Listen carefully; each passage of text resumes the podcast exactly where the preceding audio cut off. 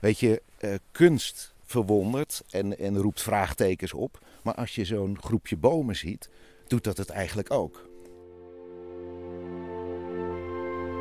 Dit is een podcast van het Fries Museum naar aanleiding van de tentoonstelling à la campagne, het Franse licht van Maris tot Monet.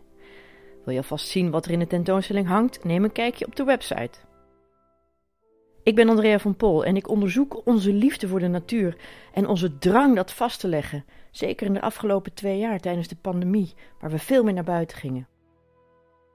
Dat doe ik met een boswachter, Henk Rusler, en conservator van het Boymans van Beuningen, Sandra Kisters, die druk bezig is de werken in te pakken, zodat ze kunnen afreizen naar het Fries Museum.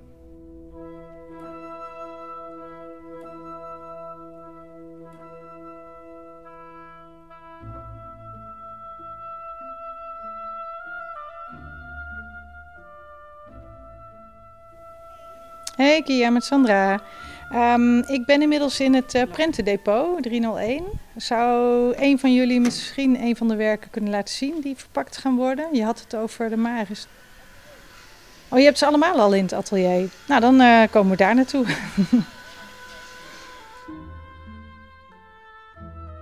nou, de tentoonstelling gaat echt over het naar buiten gaan en buiten schilderen en buiten naar de natuur kijken. En wat dat met je als kunstenaar doet. En ze kijken en goed naar elkaar en goed naar de natuur. En per kunstenaar en per groep hebben ze een andere manier om natuur weer te geven of te beleven.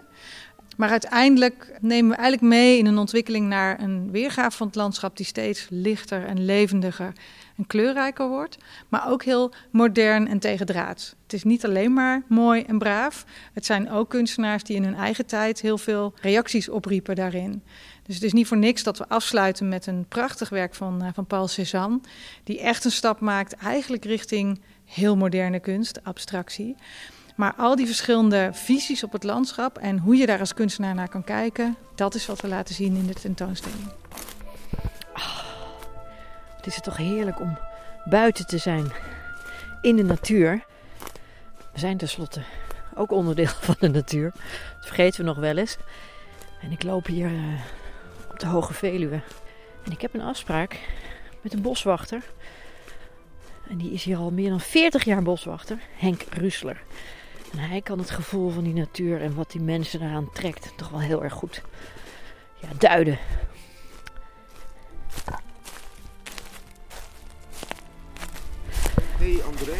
Oh! ik val meteen. Dat heb, dat heb je met al dat dode hout in het bos. ik viel meteen, Henk. En hier is mijn koele ridder. Ja. Ja, dat, dat natuur, dat gevoel van die natuur, dat trekt bijna iedereen, hè? Ja, nou ja, je vraagt het aan een verkeerde die al 41 jaar op het Nationaal Park Togen Veluwe zit natuurlijk. Maar ja, natuur is alles voor een mens, denk ik. We zijn als mens natuurlijk wel, althans sommige mensen zijn een beetje van de natuur vervreemd. Of misschien wel een beetje veel vervreemd. Maar uh, ja, voor mij is natuur echt heel belangrijk. Ja. En uh, ja, om, om zoveel dingen. Ik bedoel, de vogels die je straks weer gaat horen. Uh, de sferen in een bos. He, we lopen nu weliswaar in nog een wintersbos met, met kale bomen. Maar je ziet al overal die prachtige mossen en kosmossen erop. En als je dat een beetje leert zien, dan wordt natuur gewoon wel belangrijk voor je. Want dan doet het iets met je. Ja. Even afgezien van het feit dat het hier natuurlijk hartstikke rustig is. En dat, ja. is, dat is prachtig.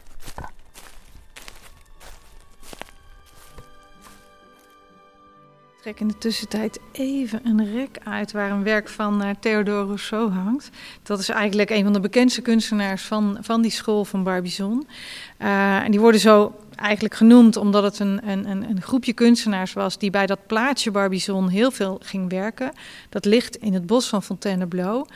Rousseau is een van de mensen die daar ook echt een huis kocht. En daarna de rand bezocht werd ook door kunstenaars. Ook veel Nederlanders, maar ook heel veel Franse kunstenaars. Ook de impressionisten hadden lijntjes naar de Barbizon-school. Als groep zijn ze heel invloedrijk geweest op al die kunstenaars die meer in en naar de natuur gingen werken.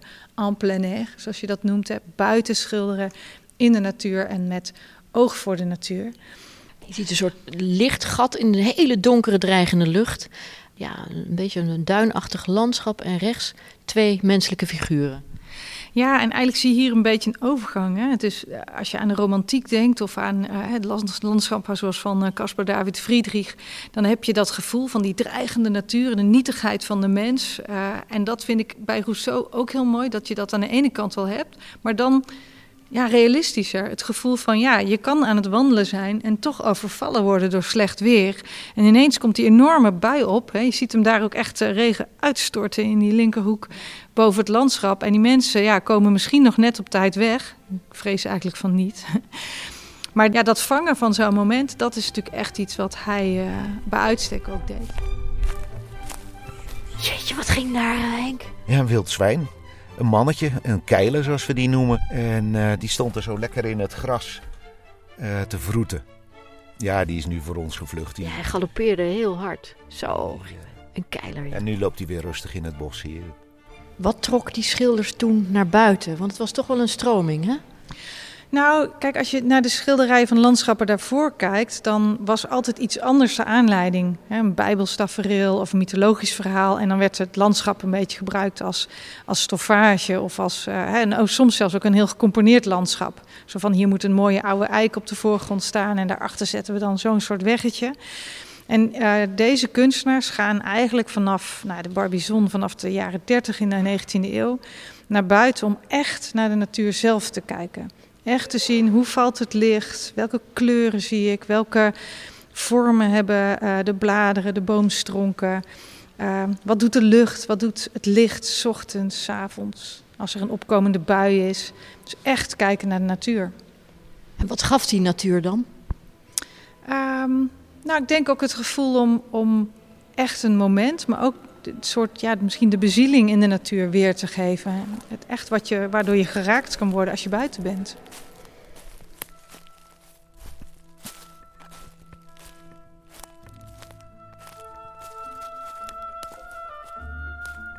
Het grappige is, ik heb een oud schilderij thuis hangen met een malle Jan. Dat is een wagen waar dan boomstammen op vervoerd worden met een paard ervoor. In een boslandschap. En dat schilderij heeft ooit bij mijn overgrote ouders gehangen in de kamer.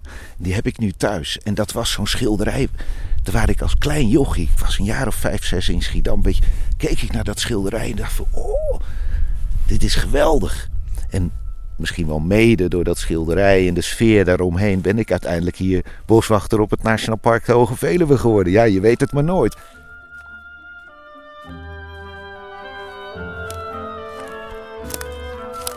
Gaan zo meteen naar een, uh, een prachtige plek.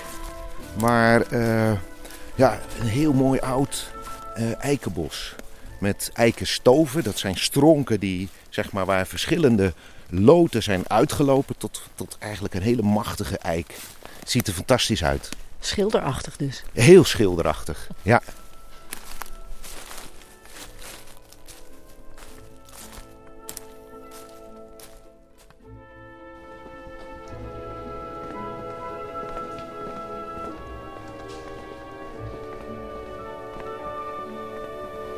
En hier zijn de ateliers.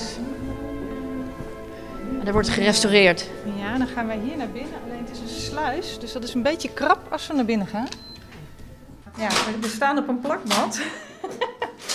dat is zodat je geen viezigheid mee naar binnen neemt aan je schoenen. En die sluis is om het klimaat een buffer te geven. Maar het is ook veiliger dat je niet meteen bij de kunstwerken staat. En hier aan deze tafel ligt uh, een van de werken die ik wilde laten zien. Zullen we daar zo lopen, die kant? Ja. Dit kleine werkje is van Matthijs Maris. En dit, nou, ook kleine, maar iets grotere werkje is van Willem Maris. Matthijs is de middelste, Willem de jongste broer en Jacob Maris, uh, misschien wel een van de bekendere Haagse schoolschilders.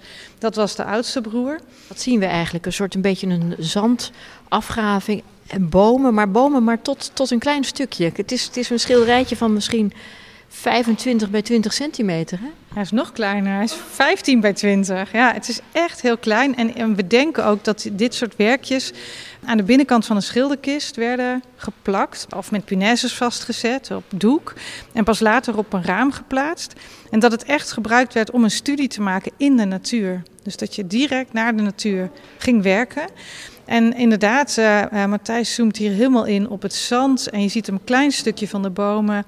En het zijn eigenlijk heel veel tinten, bruin, groen, uh, oranje, geel. Waarin hij eigenlijk uh, op een hele mooie schetsmatige manier dat landschap weergeeft.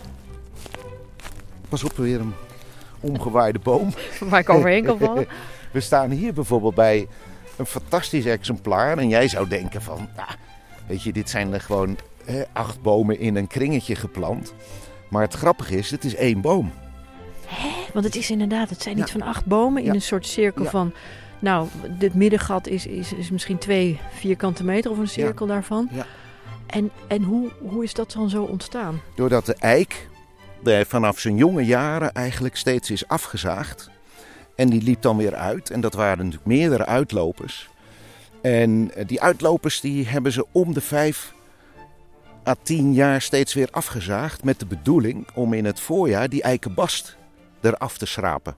En die eikenbast werd gebruikt bij de fabricage van leer. Alleen toen Kruller dit gebied aankocht, is die hele eikenhakhoutcultuur verdwenen. En heb je nu een prachtig exemplaar. Ja, dit is gewoon bijna een kunstobject, dit hè? Is, dit, is, dit is echt een, een kunstobject. En weet je, uh, kunst verwondert en, en roept vraagtekens op. Maar als je zo'n groepje bomen ziet, doet dat het eigenlijk ook. Ja. Ja, nog veel leuker is wanneer je daar gewoon middenin gaat Nou, staan. Laten en we dat doen. Want nu staan we ja, in een zo. soort heksenkring. Ja, precies. Het is, het is een soort heksenkring van bomen, maar dan anders. Maar als je dan om me heen kijkt zo, en dan moet je een beetje ronddraaien, weet je. Nou, We kijken nu naar boven, lang, we je draaien rond. Al die takken. ja. Maar dat is, en Fantastisch. dat sta- je staat feitelijk sta je in het hart van de boom, die, die misschien wel, nou, 350, 400 jaar oud is. Joost mag het weten, maar het is toch fantastisch? En dit zijn, ja, vind ik persoonlijk gewoon magische plekken. Hier moet je gewoon een poosje middenin gaan zitten of tegen een van die stammen gewoon je en gewoon laten inwerken wat je, wat je voelt, wat je ziet, wat je hoort. En dat is fantastisch. En iedereen wil het ook vastleggen, hè? Ja, ja, alleen het is wel vluchtig. Hè? Dus we hebben het bij die kunst vaak over dat, dat de kunstenaars een moment vastleggen, maar wel met een bepaalde focus en concentratie. Hè? Dus echt wel gebundeld moment. Terwijl als je met je foto een, een opname maakt, is die nog korter. Vaak wel prachtig hoor, maar die, die verdieping die dan toch in zo'n kunstwerk zit, ja, dat vind ik toch wel echt nog iets toevoegen.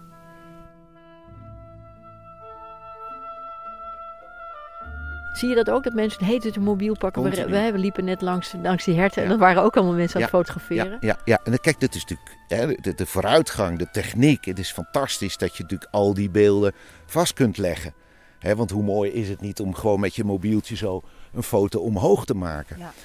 Maar, en dan wil ik echt mensen gewoon op een ander idee brengen. Hoe mooi is het niet gewoon om daar eh, een kleine schets van te maken. Want dat heb je gedaan, hè? Dat, dat heb ik heel veel gedaan met groepen mensen Schetswandelingen. groepen mensen het bos in en dat heette dan een schetsafari. En namen mensen een, een kladblokje mee en dan werd er met pot, potlood of met pen of wat dan ook, weet je, conté-krijt, werd er gewoon een mooi schetsje gemaakt. En dan is het gewoon onbelangrijk dat je een volmaakt kunstenaar bent. Dat, dat maakt helemaal niet uit. Maar je zit een hele poos, kwartier, half uur, hoe lang of dat je zin hebt, hè, je geduld eh, zit je op één plek en je neemt het zoveel beter in je op, al schetsend, Dan met een mobieltje. dan met een mobieltje. En eh, op het moment dat jij dan jaren later dat schetsje nog eens terugziet, dat je denkt van, oh, en dan kom je weer helemaal terug op die plek. En dat vind ik het mooie. En dat hebben natuurlijk de kunstenaars, de schilders van vroeger hebben dat eigenlijk ook gedaan voor ons. Ja, ik denk zelf dat mensen altijd al heel erg veel troost uit de natuur kunnen putten. Er zijn zoveel mensen die houden van wandelen in de natuur. Of dat nou een spannende wandeling is in de Alpen of eh, in je eigen omgeving. Maar eh, zeker nu, in die periode dat we toch veel thuis hebben moeten zitten, binnenwerken, eh, hele dagen naar computerschermen kijken. Dan is het toch zalig dat je s'avonds nog een rondje kan lopen. Al is het maar door je eigen wijk met een mooi bospaadje of dat watertje waar je langs kan. Dat je even bij kan komen en even ja, oog voor andere dingen om je heen. Nou Henk, ik ga in ieder geval proberen deze fantastische heksenkring, nou ja, op mijn manier Ja, vastleggen. Maar volgens mij moeten we dan iets ja, meer ik denk afstand dat nemen. het inderdaad wel fijn is om een beetje er vandaan te gaan. Ja. Zodat we wat meer in het, in het landschap kunnen tekenen. Zo. Hij is ook echt monumentaal. Ja, nou ja, als je kijkt hier zo op de grond. Moet je kijken, al die mossen. Ja. Hier op die, eh, op die bosbessenstruiken. soort stermossen, hè? Dat is Wat prachtig, hè? Ja. allemaal, want dit is hij. Wat is het ja, we allemaal? gaan, het is een beetje nattig. We gaan niet in, de, in het natte mos liggen. Nee, ik. Dus we zoeken even een, eh, een stronkje op. Oh ja, daar we kunnen daar we nou bij zitten. die stronk, eh, daar kunnen we op zitten. Nou, daar gaan de kunstenaars. Nou, iedereen kan schilderen, zeggen ze wel eens. Maar iedereen kan tekenen. Ja, alleen de hele mooie werk die, Ja. die komen straks in het Fries Museum. Nou ja, misschien is dat nog wel een idee, weet je wel. Kijk, hier zit je toch fantastisch. Even kijken hoor. Zo. Nou, oeh. Ik, ik doe hem in ieder geval even dwars, het schetsboekje. Ja, dat is inderdaad wel een... eh, Het is een heel breed gevaarte. Ga ik hoor. Nou, het is wel een tijd van eh, vernieuwingen. Daardoor kon je ook veel meer eh, eigenlijk eh, onderweg werken. Hè. In die periode werd de draagbare veldezel uitgevonden. Kunstenaars gingen werken met ja, verf in tubes. Voorheen had je altijd verf in varkensblaasjes en dat moest je dan zelf prepareren en dan was het maar heel kort houdbaar. Dus ze hadden veel meer middelen zeg maar, om echt langer op pad te gaan en echt buiten te werken. Ehm, dus het is een combinatie. En daarnaast speelde ook gewoon de moderne tijd mee. Want doordat er bijvoorbeeld treinverbindingen kwamen tussen Parijs eh, en andere plekken in meer in het platteland van Frankrijk. En hetzelfde hier in Nederland konden kunstenaars makkelijker vanuit de stad, waar ze toch meestal woonden, een dag op pad of een paar dagen op pad om buiten te gaan werken. In de campagne. À la campagne. Ja, kijk, eerst moet je gewoon een beetje ruw opzetten. En gek is dat. Ik deed dit vroeger heel veel, hè. In de laatste jaren doe ik dat veel minder. Maar als ik bijvoorbeeld voor mijn werk als jachtopzichter... moest ik natuurlijk heel lang ergens op een, op een hoogzit zitten, wachten op wild. En eh, dan had ik zoiets van, ik wil op een mooie plek zitten... waar ik een mooi uitzicht heb, waar als dat wild komt... nou ja, dan, dan is mijn werk, begint eigenlijk mijn echte werk pas. Maar in de tussentijd eh, was het gewoon heel leuk om zo'n plekje, eh, om daar gewoon schetsjes van te maken. En die heb ik nog steeds thuis.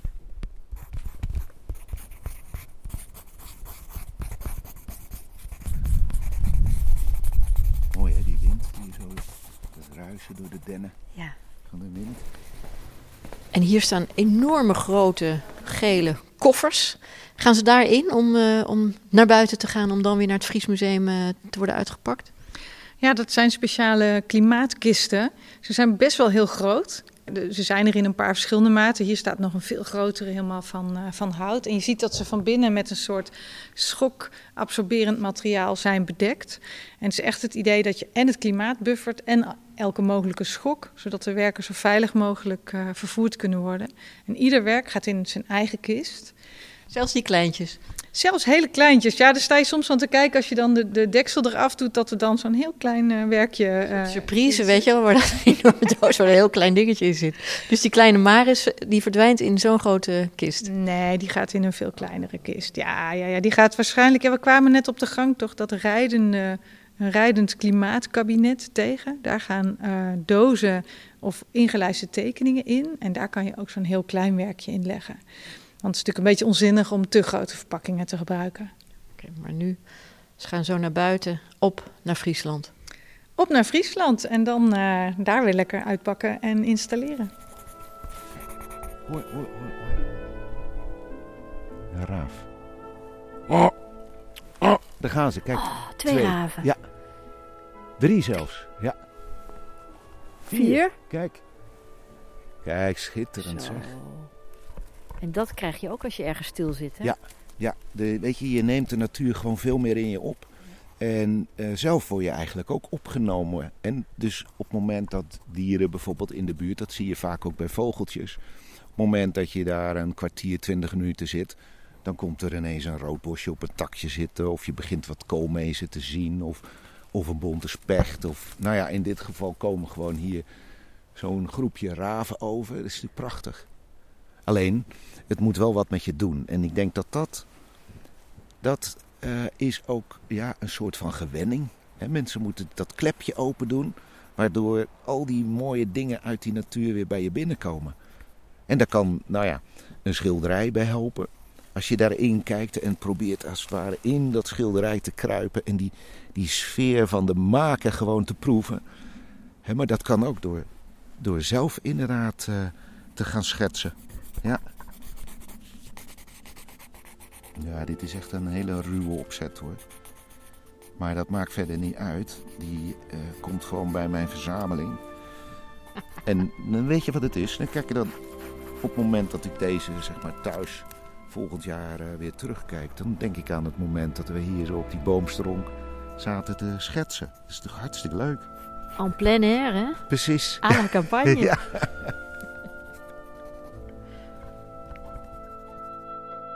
De tentoonstelling à la campagne is nog tot 17 juli te zien in het Fries Museum.